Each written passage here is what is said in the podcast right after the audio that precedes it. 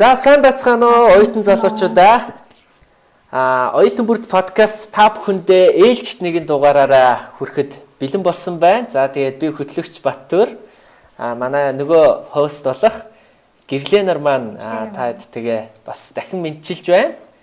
За энэ удаагийн дугаартаа бид бас оюутан залуучууд та бүхэндээ маш их урам зориг болох бас их чухал мэдээллийг өгж чадах тэр их чухал зочныг урьсан байна. Тэгээд бидний урилгыг хүлээж аваад подкастт маань оролцож байгаа дүлгөөндөө бас баярлаа. Сайн байна уу дүлгөөнөө? За сайн байцгаана уу. Тэгээд намайг бас урьж подкастнда оролцуулж байгаа төрөө гэрлээ хоёртаа бас баярлаа. За баярлаа. Тэгээд подкастаа яг эхэлцгээе. За дүлгөө маань өөрийгөө бидэнд манай сонсож байгаа, үзэж байгаа бас хүмүүст өөрийгөө товч танилцуулна уу гэж хүсэж байна. Аа. Тэгээ намайг дүлгөөн гэдэг. Тэгээд би яг одоогоор Швейцар улсын Женева хотын хотод их нэртэйгээ хоёр хүүхэдтэйгээ ажиллаж амьдарч байгаа. Тэгээд ажлын хувьд гэх юм бол энд Женевт байдаг Дэлхийн эдийн засгийн форум гэж байгууллага байдаг. Тэр байгууллагын санхүүгийн багт нь төсвийн мэрэгчлэнээр ажилладаг ийм ийм хүн байна. Дэлхийн эдийн засгийн форум гэхэр чи нөгөө одоо нөгөө жил болгоно нэг юм Давсын эдийн засгийн форум гэж болдсон шүү дээ. Манай ерөнхийлөгч мөрөнхийлөгч оролцоод идэг те. Яг яг яг. А тэрэнд ажилладаг гэсэн үг байх нь шүү дээ те. Яг зөв. Аха. Вау, вау, ямар мундаг юм бэ. За өнгөрсөн нөгөө удаагийн подкастад бас яг танай одоо эхнэр оролцож бас бидэнд өөрийнхөө түүхээс ярьсан. Тэгээд эхнэрээр чинь дамжуулаад бас өөрт чинь гоё хүсэлт боломжилсан бидний бас хүсэлтийг хүлээж авсанд бид их баярлж байгаа шүү гэж хэлмээр байна. Баярлаа. Юм зулаа хийх гэсэн маш олон зүйлсийг бас ярилцаад сурч мэдэж авсан. Тэгээд энэ ярилцлагаа ч гэсэн дамжуулаад танаас бас маш олон зүйлсүүдийг мэдэж авнаа гэж найдаж байна. Тэгэхээр бас таны бас оюутны наснаас эхлээд гоё та ярьж өгөөч гэж хүсэж байна. Тэгэхээр жишээлбэл та яг ямар сургуулийг төгсөөд яаж явж байгаад дэлхийн тэ энэ том олон улсын байгууллагад ажиллах болов та тэгээд гоё энэ тухай тавч дурдж бас хуваалцж өгөөч гэж байна. Аха.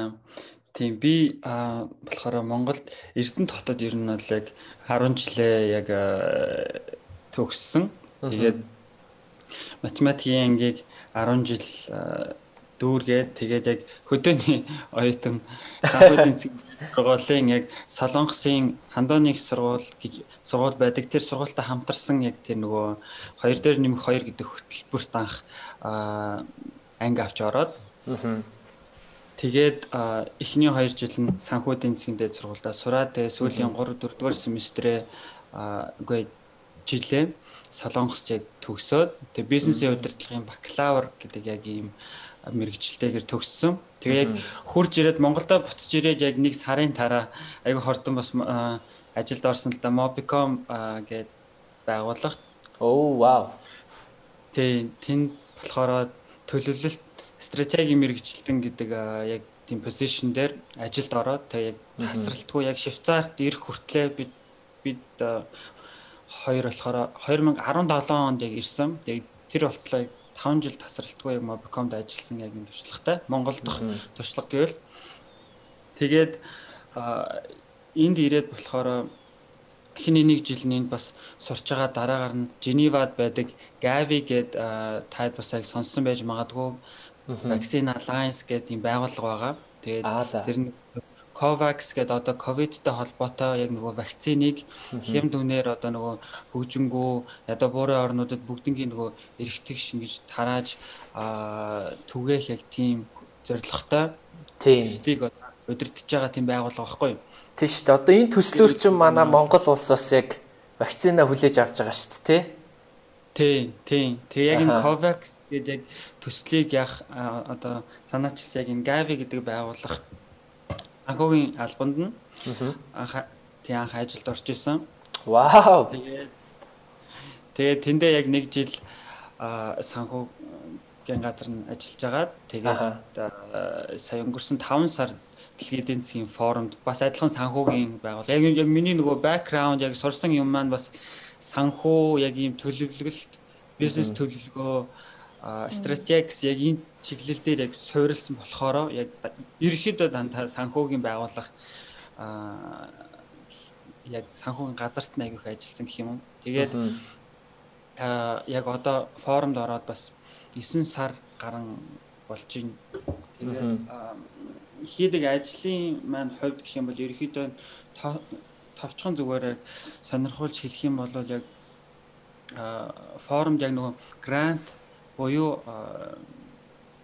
санхүүжилтийг одоо тий бид нэр засгийн газраас эсвэл өөр бизнесийн байгууллагуудаас ингээд хоримтлуулад тэгээд тэрийгээрээ одоо дэлхийн ямар нэгэн одоо тусламж хэрэгтэй байгаа тий одоо далайн бохирдол эсвэл ой модо модыг илүү одоо нөгөө илүү нэмж ой тарих ч гэдэг юм уу тий тиймэрхүү янз бүрийн санаачлагуудыг айгүйх ингэж гаргаж ирээд тэрийг ингэж хөрөнгө оруулж яг яг тэр байгаа тэр нөгөө орнуудад нь хэрэгжүүлдэг тийм төсөл гэх юм уу да.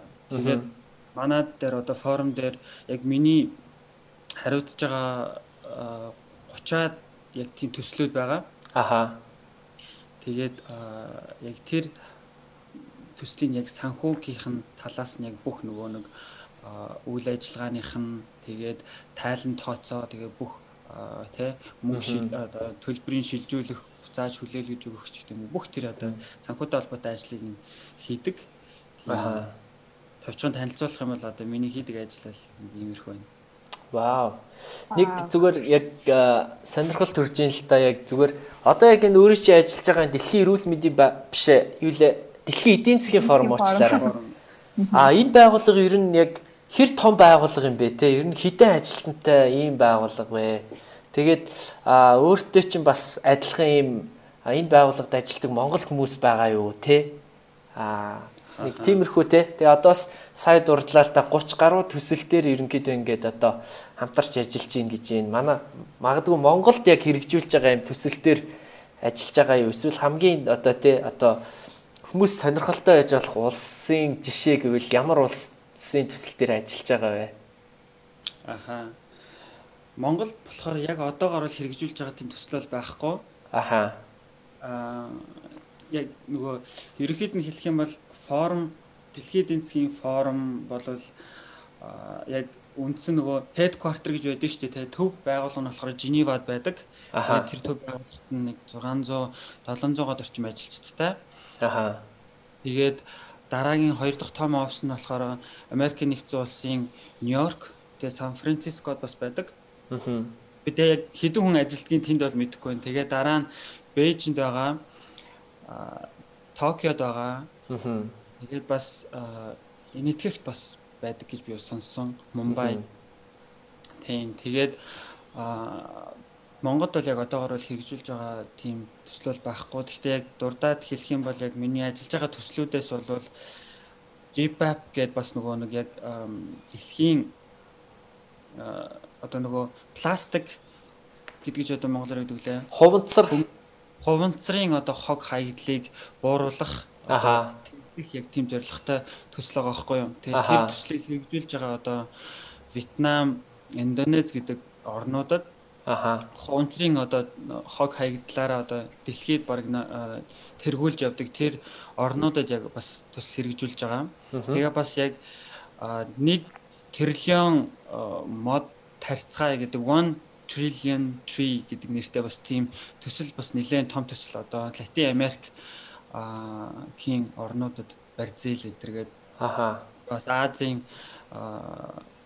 South East-тэй одоо өмнөд Азийн бас орнуудад хэрэгжүүлж байгаа тийм бас том төсөл байгаа. Аха. Тэгээ Монгол бол яг Монголоос бол яг ажилдаг өөр хүн бол би яг сонсож байгаагүй юм байна. Яг би баг хамгийн анхны Аха. Вау. Орсон баха. Вау, ямар мундаг юм бэ? Баяр хүргэе. Баярлалаа. Тэгэхээр та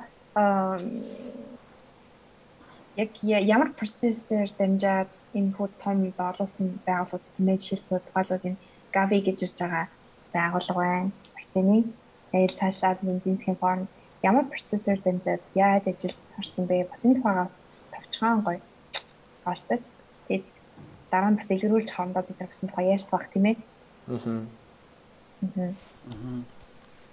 Тэг би гавэд болохоор анх а хамгийн инээдтэй тэнийг миний нэг ярих дуртай түүх гэх юм бол анх зүгээр одоо нөгөө үндсэн ажилтнаар ч юм ерж тэгж ороогүй. Аха. Монгол нөгөө дадлагын ажилтан гэдэг шүү дээ тий. Тийм дадлагжил дадлагжигч гэдэг шүү дээ. Тий одоо дөнгөж сургуулаа төрсэн хүүхдүүд одоо төгссөн оюутан залуучуудыг ер нь бол хөвчлэн авдаг. Аха. Би яг тийм дадлагын ажлын яг тийм position ажлын яг нөгөө байр зарлагдсан байхыг хараад тэг би анкета явуулсан байхгүй юу? Аха. Тэг явуулаад яг тэр үед бас нөгөө би өмнө нь Mobicom яг SAP гээд санхүүгийн нэг програм дээр бас товчхон бас ажилласан нэг тийм туршлага бол байсан. Тэгээ яг тэр үед Gavi яг тэр системийг яг нөгөө байгууллагатай хэрэгжүүлээд Оо вау. Нэлийн том бүр ингээд амар юм нүсэр төсөл болцсон ингээд хэрэгжүүлжсэн баггүй. Тэгээ ингээд яг энэ төслийг сайн мэддэг. Тэгээд яг санхүүгийн болоод яг энэ SAP-г яг мэддэг тийм IT background-тай тийм хүн ингээд амар яаралтай хэрэгтэй байна гэд. Аха. Тэгээд би дадлагын ажилтнаар материалаа явуулчаад байдсан чи айгүй хурдан ингээд юу яа гэд над руу нөгөө нэг бичгийн шалгалтын одоо нөгөө шалгалт өгөх тийм мэйл ирээд Аха. Тэгээ яг би нэг цаг ч үлээ 2 цаг орчим яг ингээд яг Excel дээр сууж байгаа ингээд яг ийм тооцоол хийгээ тэрийг ингээд presentation дээр тэ одоо ингээд яг хүнд ингээд яриа танилцуулах байгаа юм шигтэй ингээд. Аха. Тэгээд тэ ингээд send гээл дараал тэ яасан чи 5 минут ч болоогүй буцаагаад надаас яг supervisor яг нөгөө нэг намайг дагалдуулах яг тэр хүнээс хариу ирээд аха аа үнэхээр яг сайн болсон байна. Тэгээ шууд ингээд юу яа дараагийнхаа бичлсэн ярилцлага нь чамд дуудмаар байна. Өнөөдөр үдээсэл боломжтой юу гэж шууд ирж исэн. Тэгээд би вау. Тэгээд тэгээ угаасаа ажил хайжсан юм чи угаасаа завтай. Ачаа шууд орё гэх. Тэгээд дараа нь хоёр яг тийм нөгөө нэг байгууллага дээр нь очиод яг бичлсэн ярилцлаганд ороод тэгээд анх яг ажилд орж исэн. Тэгээд яг хамгийн сүүлд нь яг нэг яг ажилд авахын өмнө нь болохоор нөгөө байгууллагын HR-аас нас яг дадлагын оюутнаар бол бас яг авч болохгүй мэнэ гэдэг нэг тийм одоо нөгөө байгууллагын дүрмэнд нь бас нэг тийм байгаад. Тэгээд надад бүр нөгөө дадлагын оюутны биш бүр консалтант яг тийм зөвлөхийн гэрээний ажлыг санал болгочихсон. Тэр нь бүр яг миний бодож байгаагаас бүр ингээд хамаагүй илүү нөхцөлтэй. Одоо өдөр цаг гэх юм уу яг тийм юуг ажлын гэрээг надад анх шууд санал болгож ирсэн. Ингээд бусад хүмүүс бол ингээд олон сарын одоо нөгөө ажилд орох процессор ингээд дамжаад тэр юу гэрээг авч байгаа бол надад шууд ирж ирсэн. Тэгээ би яг тэрийг харахтаа бол яг үнэхээр бурхан яг надад яг энэ ажлыг ингээд илгэлсэн те. Яг тэр SAP гэдэг программыг хүртэл би яг яг бүр сайн мэдхгүй ч гэсэн те яг нэг тавчхан хугацаанд бас Mobicon байхдаа яг ингээд хальттай ингээд ажиллаж үтсэн. Тэр нь бас ингээд амар юм миний резюмег ингээд амар юм онцгой болгож бас тэ харагдуулсан гэх юм уу да. Аха. Тэг айгуу талархаж явдаг. Хамгийн сонирхолтой нь яг тэр программыг Монголд ажиллаж байхдаа одоо санхүүгийн программыг яг суралцаад тэ тэгээд одоо яг тэрэн дээр ингээд дадлагчаад одоо явж исэн Mobicom корпорац гэдэг. Айгуу сонирхолтой санагдчихээн. Харин тийм. Аа. Энэ программын ачаар маш маш том үе таалга нэгдсэн байна гэж сарч тээ. Аа ямар сонирхолтой түүх вэ? Бүр лавшруулж асуумаар санагдаж байна л да. Тэгээд би яг энэ нөгөө ажилд орох үйл явц те. Ер нь одоо энэ нөгөө а одоо сонгож шалгаруулалт те энэ зүйлсүүд донд ер нь бас энэ удирдахчдын нэг юм баримталдаг зарчим дээр би яг нэг удирдахчийн хэлсэн үгийг уншиж исэн байхгүй юу. Тэгээд надад бас айгүй тэр үг нь одоо а одоо айгүй тийм санал нийлжсэн бас аа энэ ер нь нэрээ яг тим юм биш үү гэж би яг нэгтжсэн л та. Тэгээд тэр болохоор нөгөө за за ямар компани удирдлага байлаа би уучлаарай мартсан байна. Яг нөгөө хэлсэн үгийг бол санаж байна. Зан чанарыг ажилд ав а харин ур чадварыг эзэмшүүлчихсэн байсан байхгүй юу. Тэгэхээр тухайн хүний одоо ямар ур чадвар одоо чадамжтай гэдгээс үл одоо номер 1 бол тэр нь бол хамгийн чухал биш. А хамгийн чухал нь тэр хүний нөгөө одоо зан чанар одоо нөгөө эрхэмлдэг зан чанар ёс зүй гэх юм уу те энэ зүйлсүүд нь илүү чухал байдаг гэд тэр хүн ер нь нэг тэр удирдахч хүн яг тэгж хэлсэн байсан л та. Тэгэхээр одоо яг энэ нөгөө олон улсын байгууллагад ингээд ажлын олон улсын байгууллагын одоо нэг хэсэг болоод явъя гэхэд мэдээж бас энэ зүйл бас их чухалд тавигддаг байх гэж би бас харж байна. Тэгэхээр энэ ажлын байрны ёс зүй гэх юм уу? Ерөн зүгээр нэг ёс зүйтэй байдал одоо хүмүүс яг энэ зүйлийг бас сүүлийн үед их ярьдаг болж байна. Ер нь хүмүүс Монголд ч гэлтгөө гадаадад те этик гэж бас хэлж ах шиг байна те. Тэр энэ ажлын байрны ёс зүйн тал дээр ер нь манай дүлгөөнөө бас яг ямар бодолтой байдаг вэ те? Ямар зарчмыг их баримтлахыг хичээж ажилдаг вэ? Аха. Яг гоё асуулт байна. Аа манай форум дээр болохоор бас яг формын үндсэн зарчим гэж бас аявих ярьдаг байхгүй юу? Тэр нь болохоор яг шудраг тэгээд бас нээлттэй те одоо ингээд юу хийж байгаагаа бас амар сайн нээлттэй бас хийсэн зүйлийнхаа үүрэг хариуцлагыг бас сайн ухамсарлаж те одоо ямар нэгэн алдаа гаргасан бол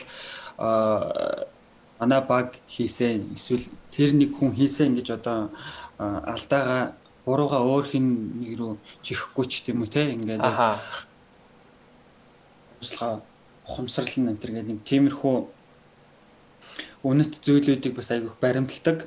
Тэгээд яг миний хувьдаа бас яг ингээд хардаг бас баримтлахыг хичээдэг зүйл нь гэвэл яг миний зүгээр ер нь бол хувийн одоо нөгөө нэг жишээл гişүгэлтэй ер нь хүн болонтой адилхан байх албагүй. Тэгээд тэгээд аль болох би яг ингээд хүнийг тэ одоо аль орноос ирсэн хүн бэ? Эсвэл одоо ямар албан тушаалтай тэ одоо надаас дээр үү доор үү тэ эсвэл аль орны хүн бэ? Би яаж юм да ингээл хандах хэвээр бай гэд хүмүүс айгүйх ер нь бол тийх гээд байдаг штэ тэ ингээд. Аа захирал хүнд болж амар гой хандах хэрэгтэй тэ одоо энэ одоо яа тийм гой гой үгийг хэрэглэх хэрэгтэй ч гэдэг юм уу. Тэгэж ялгарлахгүйгээр бас яг ингээд энэ бол хүн шүү гэдэг утгаар нь бас аягүй ингэж адилхан яг нэг одоо төвшөнд очиж тэр хүнтэйгээ холбогдож ингэж бас яг хувийн бас яг тийм нэг харилцаагтай ингээд аль болох хамт ажиллаж байгаа хүмүүстэй ингэж гоё тийм халуун дулаан тэр уур амьсгалыг одоо дүлгөөн гэдэг хүнтэй тий одоо ажиллахад одоо ийм халуун одоо дулаан тий ингээд ажиллаж болно. Надад итгэж болно гэдэг яг тийм итгэлцлийг одоо ингээд бүрдүүлэх гэдэг нь гэсэн үг байхгүй юу? Тэгээд хамт ажилдаг хүмүүсээ бас та ингээл өрсөлдөгч гэж хараал те одоо би энэ хүнээс одоо ингээд илүү хийх юм бол би одоо юу гэдэг Монголд бол те одоо бонус авна те тэгээд илүү их одоо нөгөө дараа дараагийн карьераа ингээд дээш нь өсгөө ч гэдэг юм айгүй их тэгэж өрсөлдөх яг тийм өнцгөөс айгүй их тэгэж харж тэгээд заримдаа тэ одоо ингээд тийм ёс бус зүйлийг бас ингээд айгүй харна. Тэгээд аль болох өрсөлдөх биш одоо хамтрагч шүү те одоо ялангуяа нэг багт одоо нэг зорилгын доор ингээд ажиллаж байгаа хүмүүс бол яг хамтрагч шүү. Одоо надад байхгүй байгаа зүйл тэр хүнд бол байгаа. Тэрийг би ингээд тэн зөвшөөрөөд тэгээ би ингээл нэг байхгүй юм да атаархалтай ингээл ингээ яваад ахаар ингээд миний бас өөрийн хийж байгаа сайн хийж байгаа ингээд тэг ингээд ажиллаа ингээд ажилдаа дурлах ажиллаа ингээд амар гоё сонирхолтой байх тэр ингээд боломжуудаасаа бас ингээд өөрийгөө ингээд ийм холдуулаад дээдэг юм шиг ер нь санагдсан байхгүй юу. Тэгэхээр аль болохтай ингээд надад ямар нөөц бололцоо байна? Бусад хүмүүстэй хамт ажиллаж байгаа хүмүүсд ямар байна? Тэрийг амар сайн ингээд одоо энэ ялангуяа knowledge sharing гэж аяг ярьдаг. Юу мэдж байгаагаа know how те тэрийг ингээд элен далангуу те одоо зүгээр нэг Excel-ийн одоо нэг юм янз бүрийн нөгөө нэг зааврууд байдаг шүү дээ. Тип одоо ийм тий одоо амархан аргаар одоо иймэрхүү тооцоолол хийж болно ч гэх юм уу. Тиймэрхүү мэддэг юм аа хүртэл мэдгүй байгаа усудаа тий санхүүгийн мэдлэггүй ч юм уу. Тийм хүмүүстэй заагаад өгөхөд тэр нь ингээд амар ийм тий бус хүмүүсийг ер нь ялгаагүй айгүй их тэгэж яа гэх юм уу да empower одоо хүчрхэгжүүлэн тий тийм хүчрхэгжүүлнэ гэх юм уу да. Аха. Тэгээд мэдээж ганцаараа ингээл яваад байна гэвэл ингээд богино хугацаанд яг хөө ингээд сайн явж болох ч гэсэнтэй урт хугацаанд ер нь бол ингээд ганцаард нь шүү дээ тий. Эсвэл ямар нэг юм боллоо гэж утгаад яг чи яг өөртөө адилхан ингээд ингээд ур чадвартай те ингээд техникийн яг ур чадвартай тийм хүнийг ингээд аль болох олон бүрдүүлэхтэй ингээд тийм хүмүүсээр ингээд өөрийгөө хүрээлүүлэх амар чухал юм байна гэдгийг одоо би одоо өөрөө тийм удирдах гадна тушаалтны хүн биш ч гэсэндээ одоо ингээд ойлгож ийн гэх юм уу да. Тэгээд өөр чин тэгээд бас яг өөртөө өгөгдсөн бас тэр ажлуудаа хамгийн сайнаараа тэ хийя гэдгийг одоо айгүйх эрхэмэлдэг. Одоо миний хийж байгаа зүйл зүгээр нэг тэг ингээл цаг өнгөрөөгөл тэг энийг нэг ингээд нэг аргалаад хийчээ да цалин авч байгаа юм чинь ч гэдэг юм уу а ерөөсө тэгж ерөөсө хандахыг хүсдэггүй. Тэгээ би ялангуяа ингээд форумтэй одоо олон яг тийм Монгол ажилчид байдаггүй учраас хийж байгаа зүйл болгон маань тэ одоо зөвхөн дэлгөөн гэдэг хүний нэрийг гаргахаас гадна Монгол хүн одоо нэг иймэрхүү этиктэй тий иймэрхүү ёс зүйтэй ажилт юм байх шүү гэдэг тийм ойлголтыг бас ингээд ажиллаж байгаа хүн болгондоо өгдөг байх та гэж бас ингэж боддог байхгүй. Тэгээ бүр цаашлаад Монгол улсын тий одоо нэр төрч гэдэг юм тий. Одоо хүмүүс ингээд линтенд явгоч Аз хүмүүс хэлдэнгүүд аа Япон хүмүүс бол амар ингээд ажиллаа амар сайн хийдэг тий. Солонгос хүн бас сайн хийдэг. Тэргээл нэг тиймэрхүү нэг тийм төсөөлөлтөй байдаг шүү дээ тий. Тэнгүүд Монгол хүмүүс одоо дэлхийн одоо зах зээл дээр те ингээд ажил дээр гараад одоо ямархуу байдгийг сайн одоо мэдхгүй байж магадгүй. Тэгэхээр одоо тиймэрхүү ойлголтуудыг би хаана ажилласан тэр газруудаа ингээд тарааж түгээж байгаа болохоор аль болох хийж байгаа юм болгоно амар сайн хамгийн сайнараа хийхийг хичээдэг. Вау. Тий яг нөгөө а ер нь баг одоо гадаадд байгаа монголчууд ч ер нь маш их их оронч болдог те. Ер нь их орноо хайрладаг. Тэгээд яг нөгөө хийж байгаа зүйлдээ сэтгэл зүрхээ шингээдэг а ганц өөрийнхөө нэрийг биш яг нөгөө эх орныхоо нэрийг яг ардаа дагуулж явдаг гэдгийг одоо маш бодиттой жишээ сонсогдож байна л да. Надаа айгүй тийм бас бахархах яг нөгөө ганц өөрийгөө бодох биш. Одоо дараа дараагийн үеийн залуучууд бас яг өөрөө чи явсан замаар ингээд явхад зам бэлтгэж байгаа яг тэднэрийнхээ төлөө бас яг ингэж өөрийгөө бас яг хариуцлага ухамсарлаад ажиллаж байгаа гэдгийг чинь сонсох маш одоо сайхан санагдаж байна. Бас сая нөгөө хэллээ л дээ яг нөгөө яг хуу ганцаараа ингэж явах юм бол ер нь яг хуу явж болох ч гэлээ хол удаан хугацаанд бол багаар ажиллахыг сонгох нь илүү чухал гэд тэ. Тэгээ тэр зарчим чинь бас айгүй а одоо их сайхан санагдлаа. Айгүй үнэт зарчмууд байна. Баярлалаа. Аа. Тийм дээ. Тэгэхээр аа мэдээж одоо гадаадад ажиллаж амьдрах бас олон бишэл чадваруудыг бас таадуулсан баг тий. Ерөнхийдөө бол яг ямар чадварууд ер нь ингээд гадаадад ажиллахад тулгардаг вэ? Жишээлбэл олон улсын байгууллагад ажиллахад тий та тэгээд бас их нэртэйгээ гэр бүлээр ер нь ажиллаж амьдарч штэ. Тэгэхээр энэ талаар бас гоё хаалцаж. Аа. Аа. Тэг ер нь бол бэрхшээлтэй зүйлүүд бас байсан те ингээд бүх зүйл бас ингээд айгуу гоё шулуун дардам ажилд ороод дараагийн ажилд ороод ингээд ингээд шууд явчаагүй.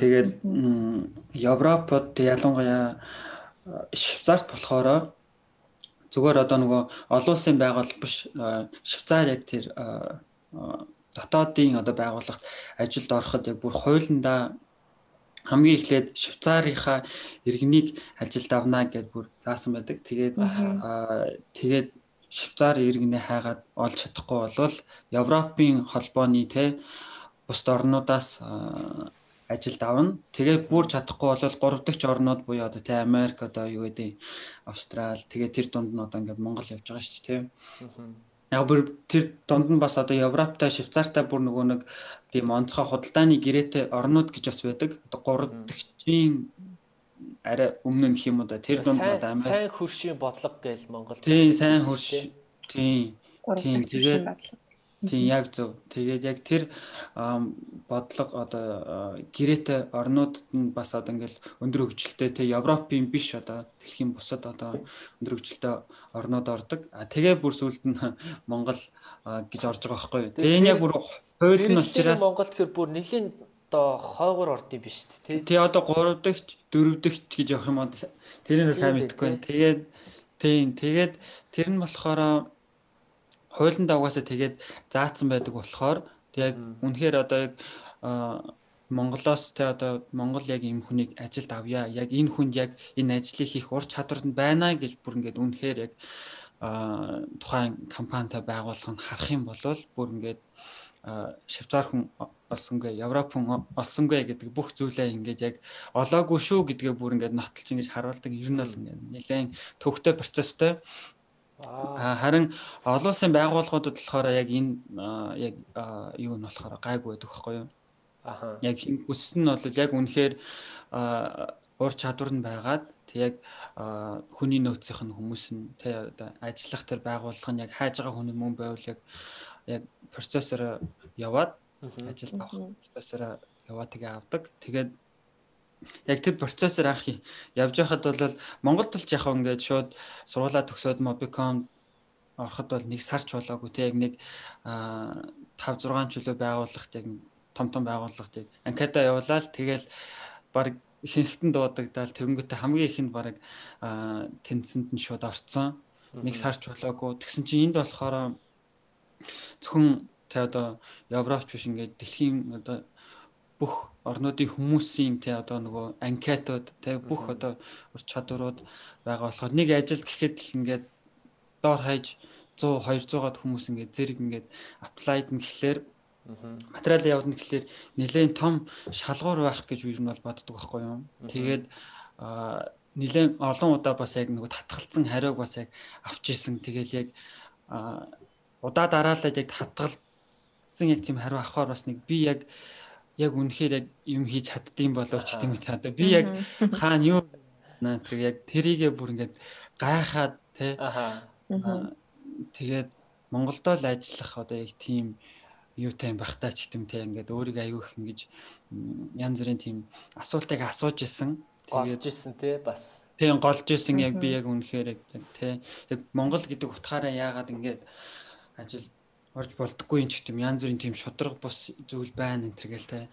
Аа тэгээд тэгээд ямар ч байсан тийм сэтгэл санаа хараад одоо ингээд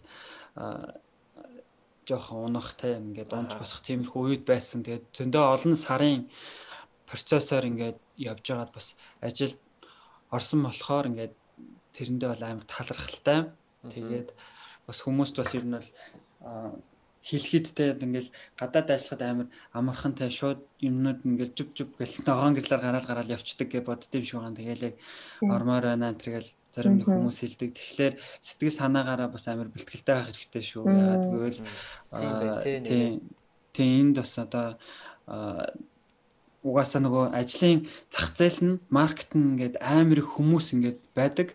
Тэгээд аа ингээл энэ хүнийг авахгүй бол болохгүй ч гэдэм ингээл нэг тэр хүнийг авахгүй л ингээд яадаг биш. Аа энэ хүн байхгүй бол дараагийн яг адилхан одоо нөгөө ур чадвартай дараагийн хүн нь байна энэ төр гэл те. Угаасаа байдаг учраас нэлээд шалгуур өндөртэй. Тэгээд дараагийн нэг төрөө нөгөө сайн гэрлээ хэлсэн шүү дээ нөгөө их нартайгийн хүүхдтэйгээ яг энд ирсэн учраас яг анх нөгөө нэг гавид нөгөө консалтант буюу зөвлөхийн гэрээгээр ажилд орж яхад бол яг тэр нь гэр бүлийн нөгөө виз, эрүүл мэндийн даатгал энэ төргээд бусад нөгөө нэг бүх дагалдах одоо нөгөө нэг логистиктэй тэр асуудлуудыг сайн шийддэггүй. Тэгэхээр яг үндсэн ажилтны яг тэр гэрээгээр яг ажилд ороход бас нэлээд шалгуур өндөртэй байдаг. Яагаад гэвэл яг тэр хүнийг үндсэн ажилтнаар аавна гэдэг бол та одоо бүх одоо нөгөө дагаж болох тэр хүнтэй холбоотой гарч болох бүхэл одоо зардал хөлс одоо юу гэдэг бүх зүйлийг нь сайн нарийн бодож иж авдаг гэх юм уу да. Аа тийм тэгээ яг тэр консалтантаар гэр бүлээрээ байхад бас жоохон хэцүү байсан. Тэгээд яг манай хүүхдийн те одоо виз энэ яг хамрахгүй учраас буцаал тэг ингээд Монгол руугаа явдаг тэг буцаж ирдэг тиймэрхүү асуудлууд байсан. Тэгээд хөвчлэн ер нь бол нөгөө нэг дөнгөж сургуулаа төгссөн ганц бие хүмүүс эсвэл гэр бүлтэй ч гэсэндээ бүр нөгөө хүүхдүүдээ гэр бүлээ ингээд яг нөгөө ирж байгаа орондоо бүр ингээд үлдээгээд бүр хэдэн жилээр ингээд яг консалтант яг гэрээгээр ирж байгаа тийм хүмүүст амар таарлцсан байхгүй. Тэг угаасаа л ийм ч угаасаа ямар ч арга байхгүй Гэхдээ бит хоёр болохоор яг нөх нэг ерөөсөө гэр бүлээсээ ер нь бол удаан хугацаагаар бол хол ингэж байхгүй гэдэг яг нэг тийм нэг шийдвэртэй байсан байхгүй. Тэгээ яг яг тэр нэг шийдвэр дээрээ бат зогсоод явсараагаа тэгээд тийм бит хоёр яг хоёлоо яг үндсэн ажилтны яг тийм гэрээд тий ажилд орсон гэх юм уу Монголд бол яг тэр бол нэг мэддэгдэггүй шүү дээ те. Ингээл ер нь бол хүн болгол үнцэн ажилтнаар ордог те. Харин зөвлөх гээл тэгэнгүүт эсрэгээрээ бүр нэг цагаан толготой бүр нэг те амар 30 40 жил ажилтсан эсвэл гадаад модад хүмүүс хаа гээл хардаг эсрэгээрээ энд болохоор консалтантууд гингүүд яг хөө тийм хүмүүс бол цөөн тоотой байна те. Тэгэхээр амар туршлагатай харин ихэнх хүмүүс нь болохоор сургуулаа төгссөн эсвэл ингээд ганц биетэй ингээд залуу ингээд ийм хүмүүс бас байдаг. Тэгээд тийм учраас яг үндсэн ажилтнаар ер нь бол гэр бүлэрээ гадаадд ирж амьдрах гэж байгаа бол ялангуяа Европ, Швейцарын орнуудад бас тэр яг логистик яг тэр асуудал бас ер нь л жоохон төвхтэй. Тэгэхээр тэрийг бас сайн бодолцоход бас нэлээдэггүй байхаа гэж бас хэлмээр байна. За тэгвэл а өөрөө чи яг энэ нөгөө туулсан одоо бас яг нөгөө давж гарсан бэрхшээл тий одоо байгаа ингээд нэг одоо байгаа одоо цэгдээ хүрэхийн тулд туулсан бэрхшээл бол бас нэлийн олон зүйлсүүд бол байсан гэдгийг бас яг сонслоо. Зүгээр нэг ингээл яг түрүү хэллээ л дөөр ингээд ногоон гэрлэр ингээл гараал те бүх юм сайхан бүтээл те одоо явцсан бол биш ээ. Бас зөндөө олон татгалцсан хариуг чигсэн авсан гэд тэрийг сонслоо л да. Тэгэд өөрөө чинь яг ингээд дүлгөөний түүх юу надад айгүй тийм онцгой санагдчихээн л да. Ягаад тэгэхээр одоо ингээд олон улсын байгууллагад одоо ингээд ажиллаж байна. А гэхдээ хамгийн сонирхолтой нь Монголдоо ингээд боловсрал эзэмшсэн те. А тэгээд өөрөө бас тэр айгаа хөвгчлөлтэй хэлж л да. Би бол одоо хөдөөний оюутан гэд те. Орон нутгаас ирж одоо суралцсан гэд. Тэр ер нь монголчуудын хувьд ч те одоо ийм Монголдоо боловсрал эзэмшсэн Тэгээд бас олон улсын байгууллага бас яг ингэж одоо хүч үзэж те дэлхийн асуудлуудад бас яг өөрсдийнхөө чадах хувь нэмрээ оруулах боломж бол байдаг шүү гэдгийг яг ингэж харуулж бас урам зориг өгж байгаа түүх байна л та. Тэгээд Монголд байгаа одоо яг зөндөө олон оюутан залуучууд байна. Одоо 150 мянга гаруй оюутан залуучууд одоо өнөөдөр суралцж байгаа. Ерхүү амын нэг 5-аас 6 орчим хувь нь оюутнууд багхгүй юу? Тэгэхээр энэ залуучууд ер нь одоо энэ оюутан байх хугацаанд те юу сайн бэлдэх хэрэгтэй вэ? Одоо гадаадад магадгүй олон улсын байгууллагад те одоо ингэж ажиллахын одоо ажилд орж өөрсдийнхөө карьерийг хөгжүүлэхэд те юуг илүү сайн анхаарах хэрэгтэй гэж ер нь дэлгөөн одоо бодож байна одоо. Аа. Монгол болохоор яг би яг нөгөө миний хувьдаа яг Монголдоо яг сураад Эрдэнтээс гараал те хойроо аваад яг нөхөө хөдөөний оюутнууд яаж яг нөгөө хойр авдаг ингээд яг Улаанбаатарт бол яг тийм бол байдаггүй юм шиг байгаа.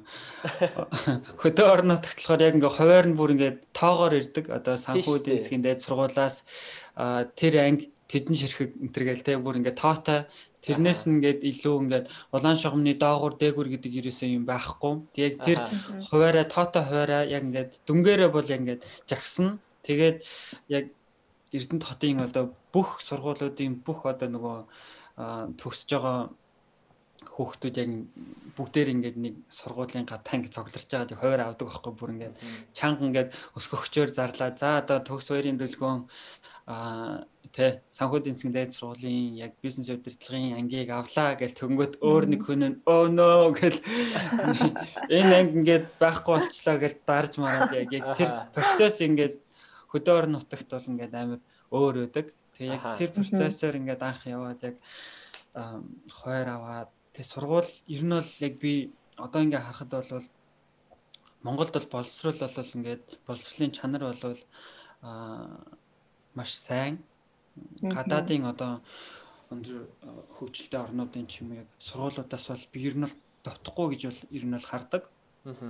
Тэгээ яг бид нар яг өөрсдөө яг сурч явах үедээ сайн бие даачлаад тэ дайчлаад яг сурч чадах юм бол зөндөө зүйлийг авч болдгийм байх гэж үлэг ботсон. Тэгээд дараа нь тий сургуулийн хувьд бол ер нь сайн сургууль бол зөндөө байгаа. Тэгээд дараа нь бас Монголдо ажлын бас туршлагатай болвол бас зүгээр юм болоо гэж бас ботсон байхгүй. Тэг ялангуяа гадаадад ингээд дөнгөж ирээд ажиллаж байгаа ингээ хүмүүсийг харахад те бас юг чухал гэж хардаг байх гэхээр Монголдо ингээд яг ажилласан туршлага байгаа юу ингээд яг нутагтаа те ингээд өөрийнхөө оронд ажилласан те тэр туршлагыг бас нэлээд чухал гэж боддог те. Тэгээ хэрвээ тийм туршлагатай бол энэ хүн бас нэг юм бас авчрах гэдэг шүү дээ тий одоо ингээд хөгжингүү оронд тий эсвэл тэр орныхоо одоо ингээд ажлын арга барилыг мэддэг тэндээ ажилласан бас тий одоо нөгөө бүр илүү нарийн тэр нөгөө туршлага нөө хаваа яг биднэрт авчрах чинь гэж харддаг ч юм уу? Тэгэхээр Монголдо зөндөө олон бас бизнесийн байгууллагууд байна.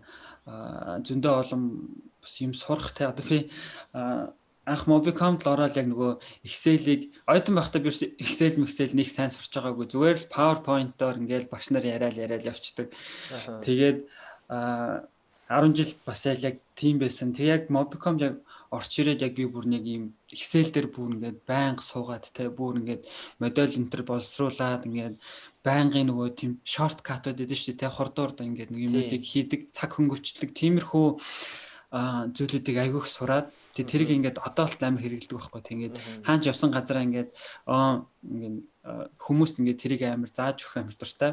Тэгээд тэрийг одоо би хаан сурсан байг бол Mobicom сурсан, Монгол сурсан тий. Тэгээ яг надтай адилхан надаас бүр илүү мундаг одоо бол одоо илүү их нөгөө ур чадвартай хүмүүс бас зөндөөл байсан тий Mobicom. Тэгэхээр яг боломж бол Монголд бол ер нь бол амар хангалттай байгаа юм байна гэдгийг бол амар анзаарсан. Тэгээд гадаад хэлийг бас ингээд ялангуяа англи хэлч одоо нэлээд глобал хэл болчлоо шүү дээ тий. Хаанч байсан тий дэлхийд дахны тэгэхээр англи хэлээ бас амар сайн сурах хэрэгтэй юм байна. Англи хэлгүй бол ер нь бол хаанч ер нь ажиллахад тий ер нь бол бас жоохон хүндрэлтэй. Тэгээд Зарим хүмүүс ингээл заавал англиар ярьдаг оронд очиж сураал эсвэл тийм оронд очиж ажиллаж иж те одоо ингээд тэр хэлийн сурдаг эсвэл одоо боломж нээгдэг гэж боддог. Би миний хувьд л ерөөсөө тийм англиар ярьдаг орнууд руу ерөөсөө явж үзээгүй. Тэгээд яг Монгол байхдаа яг сурсан яг англи хэлээрээ ингээ явсаар хагаад ирсэн. Тэгэхээр яг боломж бол байгаа. Тэгээд яг өөрийгөө бас тэ ингээд бити Монголд байгаа юм чинь сурахгүй байх гэдэг тийм шалтгаар бас бити хязгаарлаасаа гэж хүсэж байна. Тэгээд аа бас дээр нь одоо нөх хүн болгон янз бүрийн өөр өөрийн одоо мэрэгжил байгаа шүү дээ. Одоо эмч болвол аа эмчийн салбар те одоо минийх болохоор санхүүгийн салбар гэдэг яг салбар болгоны бас нөгөө нэг аа онцлог байна л да. Тэгэхээр яг тэр салбарынхаа одоо нөгөө нэг ур чадварыг одоо шалгасан те. Ямар тийм мэрэгжлийн одоо сертификат одоо юу гэдэг зэрэг зэрэглэл тиймэрхүү зүйл байдаг бол тэрийгээ бас ингээд те ингээд авдаг. Тэр нь бас нэлээд дараа дараагийн ажилд орох одоо нэлээд шалгуур давуу тал болно гэх юм уу да. Одоо жишээлх юм бол IT-ийн инженер хүн байлаа гэж утгахад инженерийн одоо нөгөө нэг тийм сертификат байдаг шүү дээ тий 2 жилдээ эсвэл 3 жилдээ нэг ингээд шалгалт өгөө. Дахиад тэрийгээ одоо нөгөө лицензээ ингээд шинжилдэг тий тэгэд яг тийм эсвэл эмчийн лиценз байна. Банкнд бол одоо нөгөө санхүүгийн байгууллага болохоор нөгөө нэг янз бүрийн CFA, CPA энтергээд нөгөө мэрэгсэн нэгтлэн бодогч энтергээл те тийм зэрэглэлүүдийг бас ингэж авдаг. Тэр бол ингээд заавал хил харгалцахгүйгээр яг үнэхээр яг энэ хүн яг энэ ажлыг хийж чаддаг уу яг техникийн ур чадрыг шалгадаг юм зэрэглэл учраас гадаад хэл бол нэг тэр юунд бол хамааралгүй. Аа тэр салбар одоо өөрийнхөө яг ингээ хаашаа явах гэж байгаа яг тэр мэрэгчлэртэй дуртай сурсан одоо юу хийж чаддаг тэр мэрэгжлийнхаа салбарынхаа мэрэгжлийн тэр чадварын одоо сертификаттай зэргийг сайн авбал бас зүгээр гэж утсан. Тэгээ бас мэдээж бизнесийн байг одоо бизнесийн тэ одоо ийм ажиллах орчинд те амаараа болоод бичгээр бас ингээд амар сайн өөрийгөө танилцуулдаг. Аа Тийм тэгээд бусдаа бас ингээд амар сайн өөрийгөө тайлбарлаж тэ өөрийгөө ойлгуулж чаддаг. Тэ одоо би санхүүгийн одоо мэрэгчлээ санхүүгийн зүйлийг хийдэг те дандаа тоо одоо боддог хүн байлаа гэж бодъё л да тий. Тэнгүүд тэрийг ингээд өөр техникийн хүн ч юм уу эсвэл эмч хүнд одоо ингээд танилцуулаа гэх тэгэнгүүт тэрийг ингээд яг санхүүгийн биш хүмүүст ингээд тааруулж ярьж чаддаг ч гэдэг юм уу те. Эсвэл миний ингээд ярих гээд байгаа юм ингээд надад амар чухал юм шиг хэрнээ бос хүмүүс чухал биш бол тэрийг бас ингээд ямар өнгөөр яаж ярих вэ ч гэдэг юм уу. Бизнесийн одоо одоо тийм ярианы болоод бичгийн те одоо харилцан ярианы тийм бас чадварт бас суралцах зайлшгүй шаардлагатай гэж боддог. Би ч бас яг тэр тал дээр одоо ингээд ажиллаад бас яг тийм менторинг гэдэг тийм программаар бас ингээд явж байгаа. Ажил дээрээ форум дээрээ. Тэр тийм айгүй их зүйл бас яг сурч аавн тэгээд яг өөрөө бас анзаараагүй одоо ингээд янз бүрийн сул өгнөд бас ингээд хэрэлдэг байгаа байхгүй. Би англи хэлээр ярихдаа ингээд ам аа соо энтергэлтэй ингээд амар болон тийм тэнгуүтээ ингээд дугаа ингээд одоо нөгөө нэг зүгээр зарим нэг ингээд үедээ ингээд чимээгүй ингээд бай поз аав өнтер гэл тэгж байгаа. Тэнгүүд би ингээл поз авангууд ингээл ялангуяа зөв мөмөр ярангууд ингээл нэг юм сонин санагдaltaй ингээл тэр нэг юм чимээгүй ингээд тэр цаг үе болгоныг ингээл юм яриад дүүргээд ах хэвээр юм шиг. Тэнгүүд ингээд зөндөө олон ингээд бас ингээд дутагдaltaй бас тийм алддаг зүйлүүдээ ингээд анзаараагүй юмудаа бас яг олж харсан. Тэгээд Тийм түрүүн бас нөгөө хэлсэн нөгөө офисын одоо түгээмэл хэрэглэгддэг те одоо програмууд те Excel, PowerPoint юу гэдэг тэр юмнууд бол угаасаа байгууллага болгон тэрийг ашиглаж байгаа. Тэгээд бас яг мэрэгжлийнхаа яг тэр ур чадварын нөгөө софтверт одоо надад нөгөө ажилд ороход туссан SAP гэх програм байгаа шүү дээ тий. Тэр програм бол одоо миний одоо хувьд бол ингээд амар том юу болсон. Аха. тий. Тэгээд яг тэр програм одоо техник софтверуудыг тий сайн эзэмших тий ажилдаг байх хэрэгтэй. Ялангуяа тийм тиймэрхүү ур чадварыг бол заавал нэг сургуульд ягаал нэг төгсдөг одоо нэг эзэмшдэг мэдэж авдаг тийм үе бол өнгөрчлөө шүү дээ. Одоо янз бүрийн үнгүү ихтэй сургуулиудын гой гой тийм хичээлүүд байдаг те. Тийм тэр мэрийг одоо сайн хаана ямар боломж байна ягаад үзэж бас судлах хэрэгтэй юм болов гэж бодож байна. Ваа бас их сайхан зөвлөө. Тий шууд л баг хэрэгжүүлж болох те. Хаач байсан л сурах боломжтой жишээнүүд ш цаях бол те. Аа. Баятан залуус бас маш хэрэгтэй гоё зөвлөгөөнүүд өгсөн баярлаа гэж өмнөөс нь би бас хэлье. Надад ч гэсэн маш informative буюу маш тийм гоё зөвлөгөөнүүд байлаа гэж бодож байна. Тэгээд нэг асуулт байна л да. Та одоо ингээд за сая хэлсэн штэ. Би Монголдо Монголын боловсрол одоо чанартай баг тий гадаадын сургуультай өрсөлдөхүйц юм чанартай боловсролыг бид Монголдо эзэмшиж болж байна гэж. Тэгэхээр таны та санхуд бас энэ бас оюутан байх хугацаанд таны яг одоо ямар нэгэн хийдэг байсан дадал зуршилж гэх юм уу? Эсвэл одоо юу хамгийн их одоо нөлөөсөн бэ? Энэ бүх одоо карьерт чинь жишээлбэл одоо зарим оюутнууд одоо өдөр өдрийн баг хийх цаг хичээлээ хийж судаг. Та тийм амар одоо номын гэх юм одоо амар хичээлдээ давтаж судаг тийм оюутан байсан уу? Эсвэл одоо өөр ном их уншдаг оюутан байсан уу? Эсвэл ямар зүйл амар тийм таныг одоо энэ бүх зүйлсүүдэд одоо энэ том ажлуудыг хийхэд нөлөөсөн гэж юу боддог вэ? Аха. За аюу гоё асуулт шүү. Санхүү дахта тийм би ер нь л ер нь л 10 жилээс аюу их тэгж яадаг. Хичээлээ амар ингэж хийдэг те номын сэнд их суудаг жоохон нэг тийм nerd гэдэг штэ те ингээд хичээлээ хийдэг. тий номын одоо бук гэдэг зүйлээ тиймэрхүү байсан. Тэгэл нэг хүн амттай нийлээл ингээл орч гараал шоудаалт гэдэг юм те тэгэж явдаггүй тэгээд яг хаа тэрний ингээд сайн давуу талууд байгаа та одоо Монгол ялангуяа Монгол сургуулиудад Монгол багш нар ингээд нилээн одоо нөгөө Орос одоо арга гартай ингээд номноос текстээс одоо ингээд энийг хийгээрээ дагаад хийгээрээ аль бүгдээрээ гэл те. Яг тэрийг нь яг тэгж хийж иж яг нөгөө нэг яг тодорхой хэмжээнд бас ингээд а яг олж авах хэвээр тэр мэдлэгийг те онлайн мэдлэг одоо чадваруудыг авсан гэж бол би боддог. А тэг яг би нөгөө Солонгос дараа нь 2 жил очиод сурахтаа ингээд миний нөгөө дөм мөн ер нь жоохон муудсан ягаад тэгэхээр давхар ингээд хажуугаар нь ажил хийдэг байсан. Тэгээд дээрээс нь яг ингээд багаар те ингээд хамтарч бус хүмүүстэй ингээд ажиллах те нэг багийн тим ажлууд эсвэл бие дааж зөвхөн одоо багшийн ингээд профессорын л одоо гарын дор ингээд өгсөн зүйлийг нь хийгээд байдаг шүү дээ. Багш бол зөвхөн нэг 5% л ингээ өгчдөг эсвэл үлдсэн 95% ингээд өөрөө бие дааж те номносоо ингээд сурж иж эсвэл багаар ажиллаж иж мэдж авдаг тийм ингээд өөр ялгаатай юм байна гэдгийг ингээд амар сурч авсан. Яг хав 10 жил болоод тэгэж бол байж болдог. Их сургууль гэдэг бол арай өөр юм байна гэдгийг би яг Монгол биш яг сургуульд очиод илүү их мэдсэн юм уу да.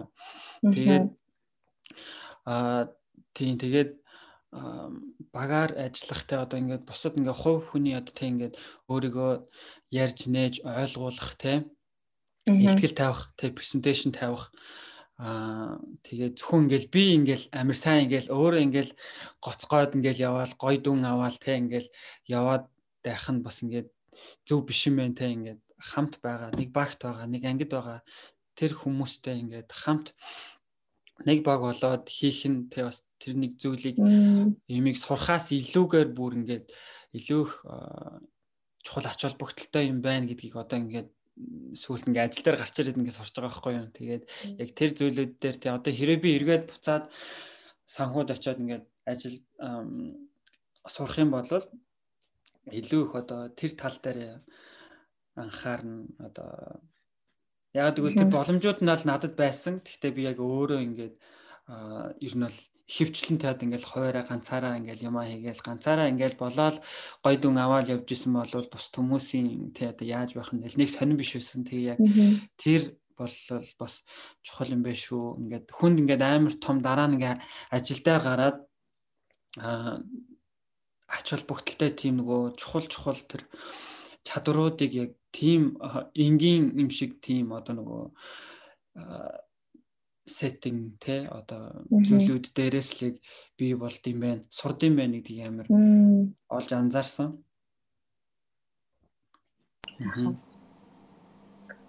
Вау.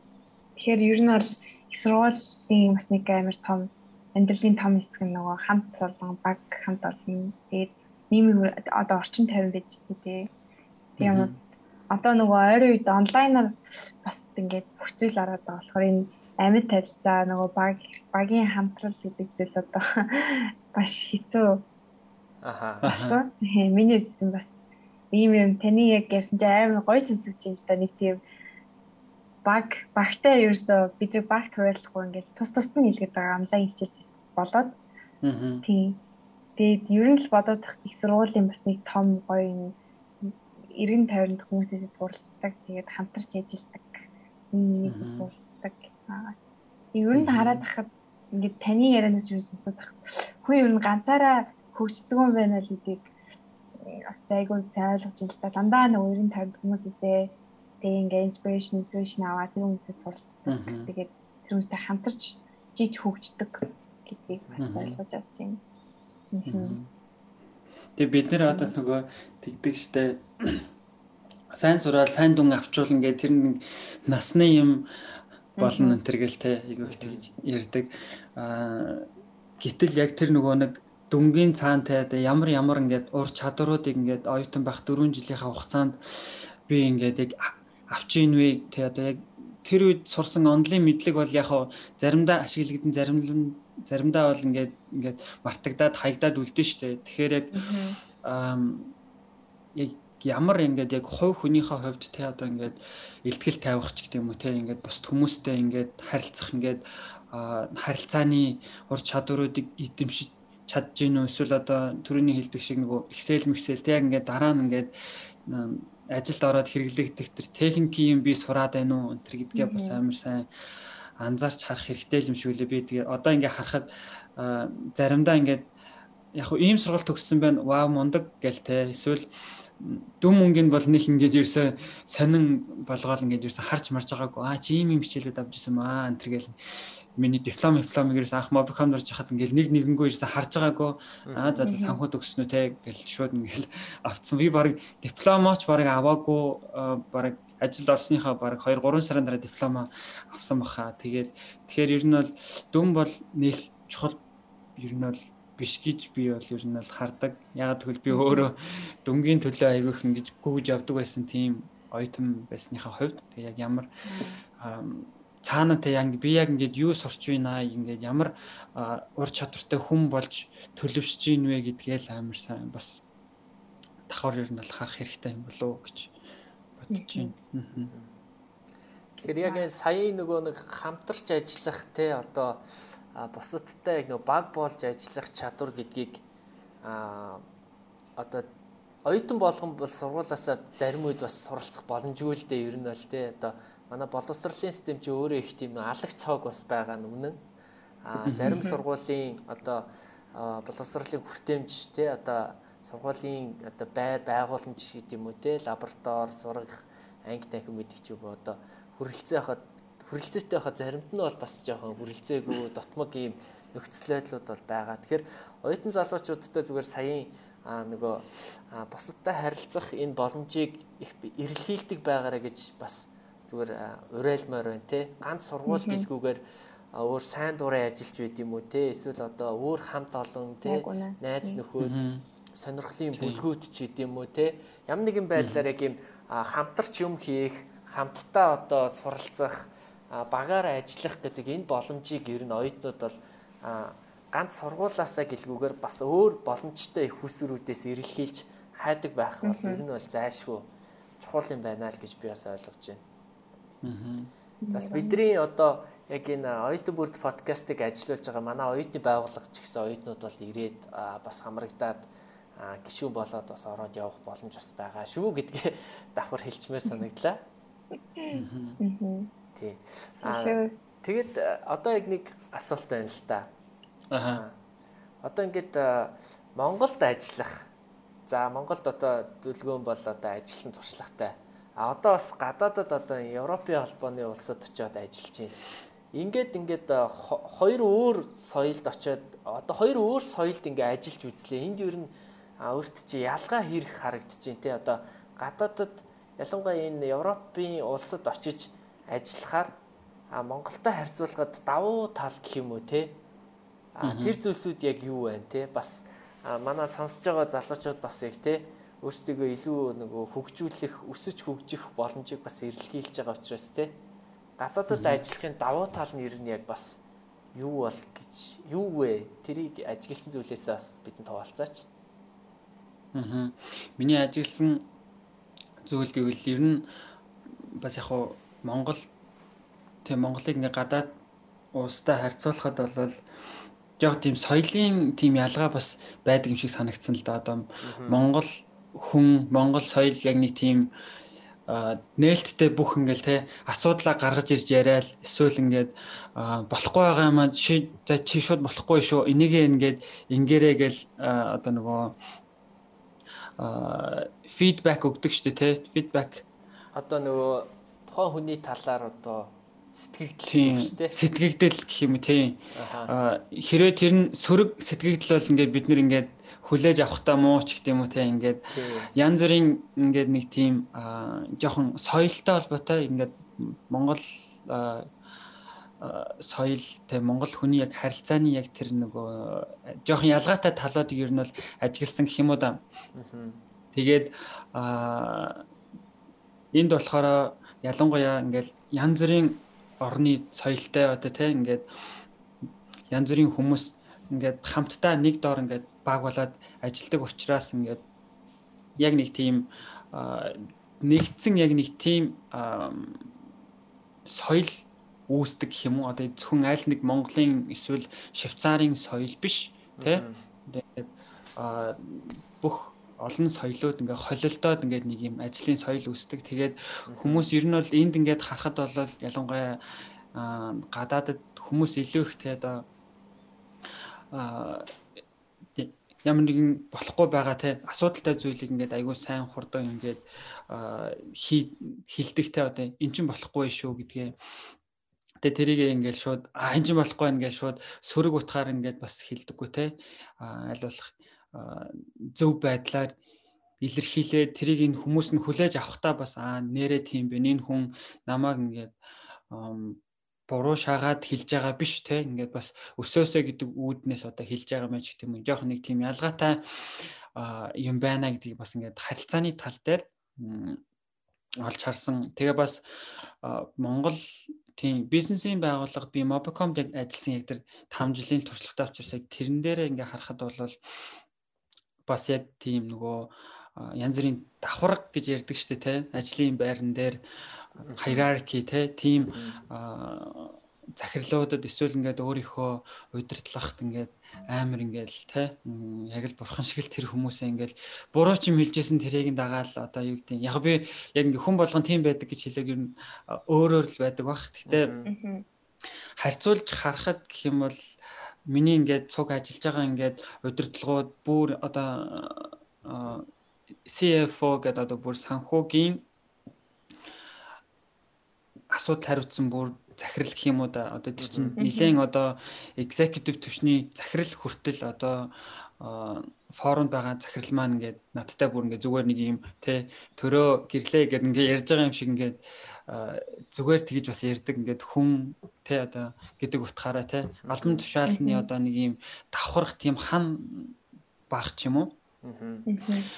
Тийм тэгээд бас нийгмийн одоо нөгөө pressure гэж байдаг шүү дээ те одоо ингээл жоохон дарамт гэх юм уу те. Тийм дарамт одоо ингээл байсагээл ингээл орж гараал те одоо юу хайтай ажлын одоо нөгөө дарамт гэдэг шиг те. Энийг чи одоо ингээд заавал хийх ёстой Тэ эсвэл одоо ингээд энэ багт ингээд чи нэгдэхин тул заавал ингээд орж гардаг те ингээд эсвэл ингээд хий гэснийг нь хийдэг эсвэл юм ингээд уудагч гэдэг юм те ингээд юм байх хэвээр гэл заавал нэг ингээд өөрсдийнхээ нэг болох гэдэг. А энд болохоор арай жоохон өөр те тийм дарамт бол багтай юм шиг надад бол санагдсан.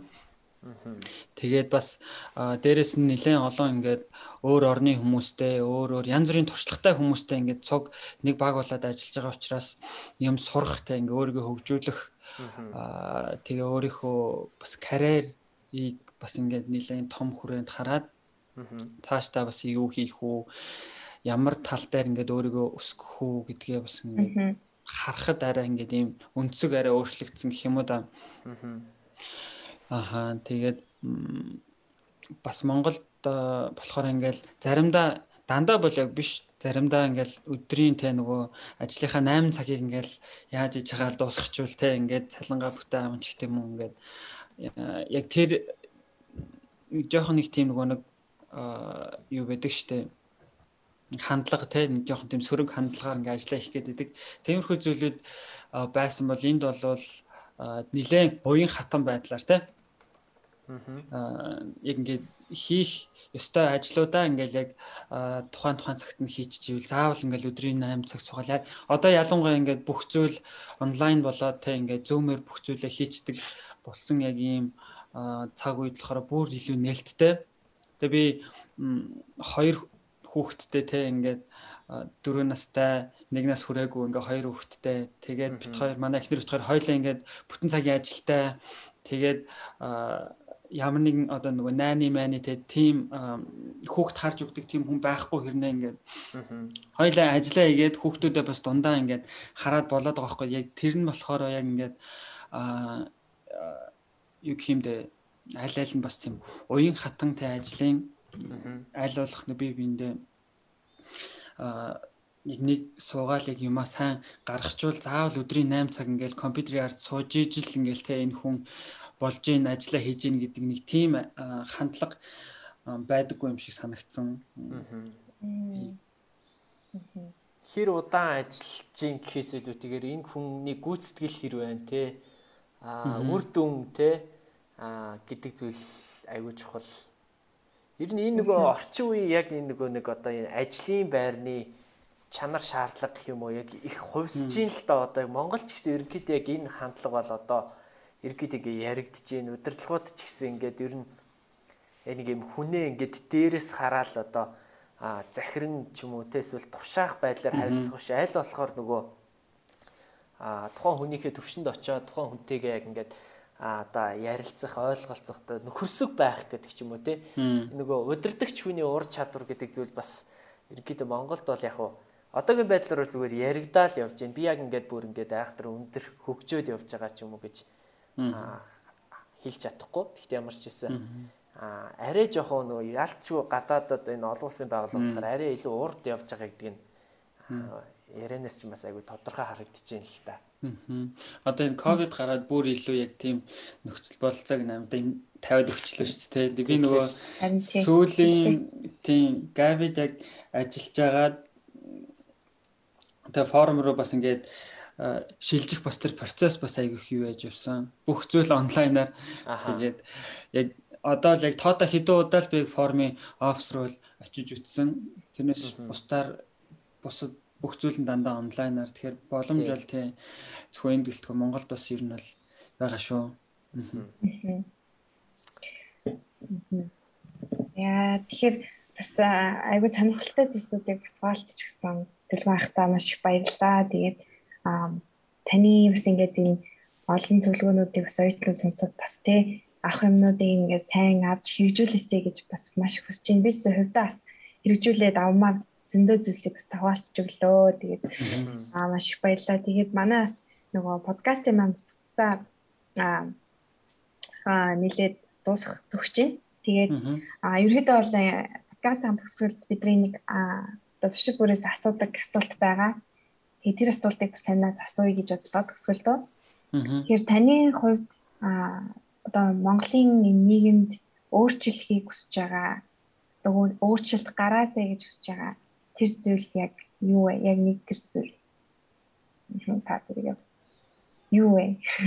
Би одоо яг нэг тухайн зүйлийг ингээд нэг харахаар те Монгол болж байгаа нэг тухайн үйл явдал ч юм уу одоо юу гэдэг те тэр нэг зүйлийг харахаар магадгүй сэтгэлч амар одоо өвдөж зовдөг те одоо санаа зовдөг те тийм зүйл бас байж болно. Ер нь юу ч байж болно л да өөрөө чи хувьд яг ингээд нэг энэ зүйлийг өөрчлөгдөчихөөсөө гэж боддог те. Аа. Эсвэл энэ зүйлийг би нэг ингээ өөрчилчих юмсан гар бие оролцоод те өөрчлөлтөнд нь одоо а одоо хувь нэмрээ оруулах юмсан гэдэг ч юм уу те. Аа. Аха. Тий одоо Монголыг тий харахаар ингээл ядуур л одоо юу гэдэг эдийн засгийн байдал энэ төргээл янз бүрийн одоо те агаарын бохирдол энэ төргээл янз бүрийн одоо санаа зовж болохоор олон тийм асуудлууд бол байна л да.